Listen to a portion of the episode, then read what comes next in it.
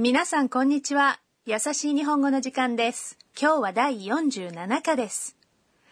أهلا بكم مستمعينا الأعزاء في الدرس السابع والأربعين من دروس تعلم اللغة اليابانية التي تأتيكم من راديو اليابان الدولي ل NHK World هذا البرنامج من تقديم كريمة السمني ワレンダジアで今日も一緒に楽しく勉強しましょ والجملة الرئيسية اليوم هي 日本語教師になるのが夢です。 حلمي أن أصبح مدرسة لغة يابانيةうبطلة القصة هي الطالبة التايلاندية أنا لقد أقامت في اليابان قرابة السنة والآن أوشكت إقامتها على الانتهاء واليوم آخر محاضرة لها في الجامعة تعالوا نستمع إلى حوار الدرس السابع والأربعين والجملة الرئيسية هي 日本語教師になるのが夢です。 حلمي أن أصبح مدرسة لغة يابانية 最後に皆さんの夢を教えてください。僕は日本を一周したいです。私は、日本語教師になるのが夢です。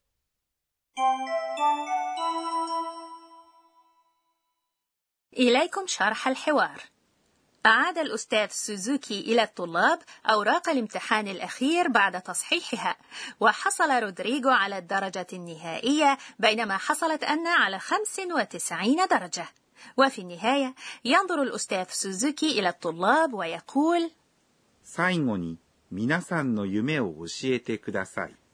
في النهاية أخبروني عن أحلامكم من فضلكم 最後に يعني في النهاية 皆さん يعني جميعكم والمقصود هنا أنتم. نو. هو الحرف المساعد الذي يربط بين اسمين. يومي. هو الحلم. أو. هو الحرف المساعد الذي يضاف إلى المفعول به. أوشيتي هي صيغة ت من الفعل. أوسيماس. أي يعلم أو يخبر. وأضيف إليها. ください. صيغة ت من الفعل مضافا إليها كوداساي هي أسلوب الطلب بالضبط يا رندا 教えてください。 يعني علمني أو أخبرني من فضلك ورودريغو يجيب 僕は日本を一周したいです。 أنا أريد أن أقوم بجولة حول اليابان 僕 يعني أنا ويستخدمه الرجال للإشارة إلى أنفسهم في مواقف خالية من الرسميات は هو الحرف المساعد الذي يضاف إلى موضوع الجملة؟ نيهون. هي اليابان والحرف المساعد؟ أو. يضاف إلى المفعول به أو ما يتم المرور به. إيشو. يعني دورة واحدة كاملة وهي عبارة عن العدد؟ いち. أي واحد مضافا إليه؟ 周. الذي يعني دورة. ولكنه ينطق إشو وليس إتشيشو ملاحظة قيمة يا رندا したい هي صيغة من الفعل します。 أي يفعل تحول فيها مس إلى تاي وهي صيغة الإرادة شتاي يعني أريد أن أفعل وأن تفكر برهة ثم تجيب 私は日本語教師になるのが夢です。 أنا حلمي أن أصبح مدرسة لغة يابانية. واتاشي يعني أنا والحرف المساعد و يضاف إلى الموضوع الرئيسي للجملة. نيهونغو هي اللغة اليابانية. 教師 يعني مدرس. أما 先生 فمعناه أيضا مدرس ولكن يستخدم أيضا كمناداة للمعلمين. に هو حرف مساعد يلزم استخدامه قبل الفعل.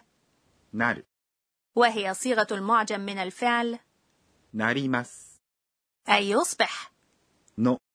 هو حرف يأتي في آخر صيغة المعجم أو صيغة تاء من الفعل ليحولها إلى ما يعادل اسم مصدر أو كما أن نقول أن يفعل. أي أن كيوشي نينارونو هو اسم مصدر معناه أن يصبح مدرسا. نعم. وأضيف إلى تلك العبارة الحرف ن. الذي يضاف إلى الفاعل أو المبتدأ. يومي هو الحلم. دس. يختم الجملة المثبتة في الكلام المهذب.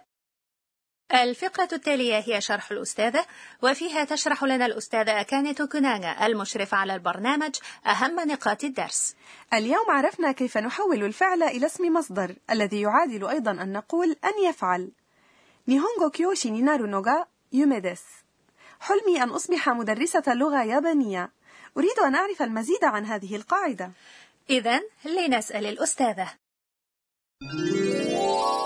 私が教えましょう تقول الأستاذة توكوناغا تحويل الفعل إلى اسم المصدر يكون إما بإضافة الحرف の أو こと、 إلى صيغة المعجم أو صيغة تا من الفعل لنتخذ من الجملة التي وردت في الحوار مثالا حلمي أن أصبح مدرسة لغة يابانية لتحويل الفعل なります。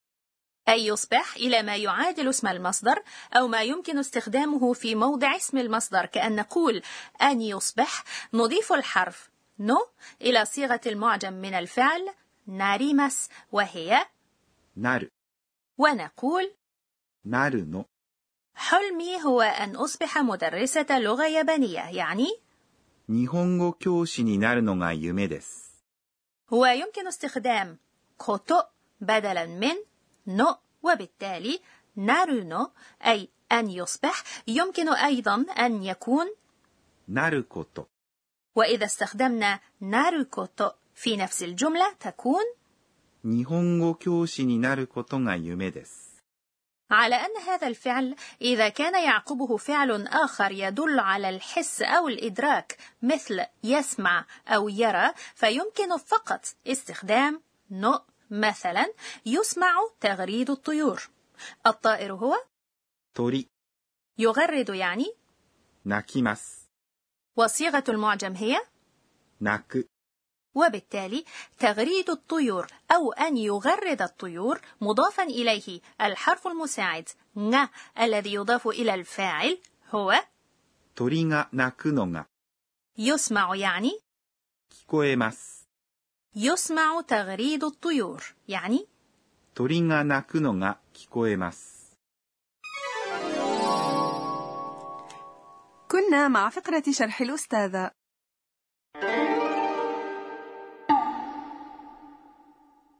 والآن مع فقرة كلمات المحاكاة الصوتية اليوم نتعرف على كلمات تصف قدرة الإنسان على القيام بشيء بسهولة وسلاسة すらすら、 هذه محاكاة لفظية لحالة شخص يتحدث أو يقرأ شيئا بسلاسة وبلا جهد كبير.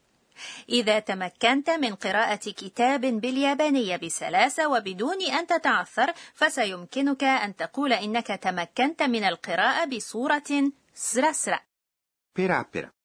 هذه كلمة تصف حالة شخص يتحدث بلا توقف أو يتحدث عن أمور لا ينبغي أن يتحدث عنها. ولكنها تستخدم أيضا لوصف شخص يجيد التحدث بلغة أجنبية.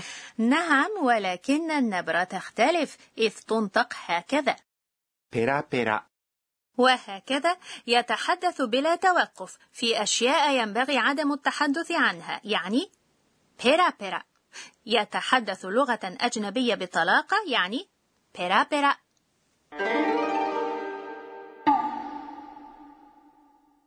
كنا مع كلمات المحاكاة الصوتية.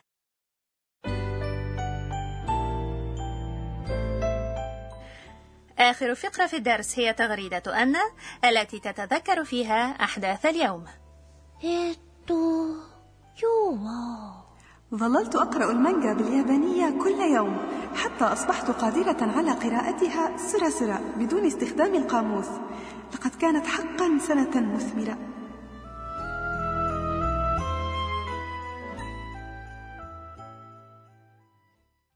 بهذا وصلنا إلى نهاية الدرس السابع والأربعين وكانت الجملة الرئيسية فيه 日本語教師になるのが夢です。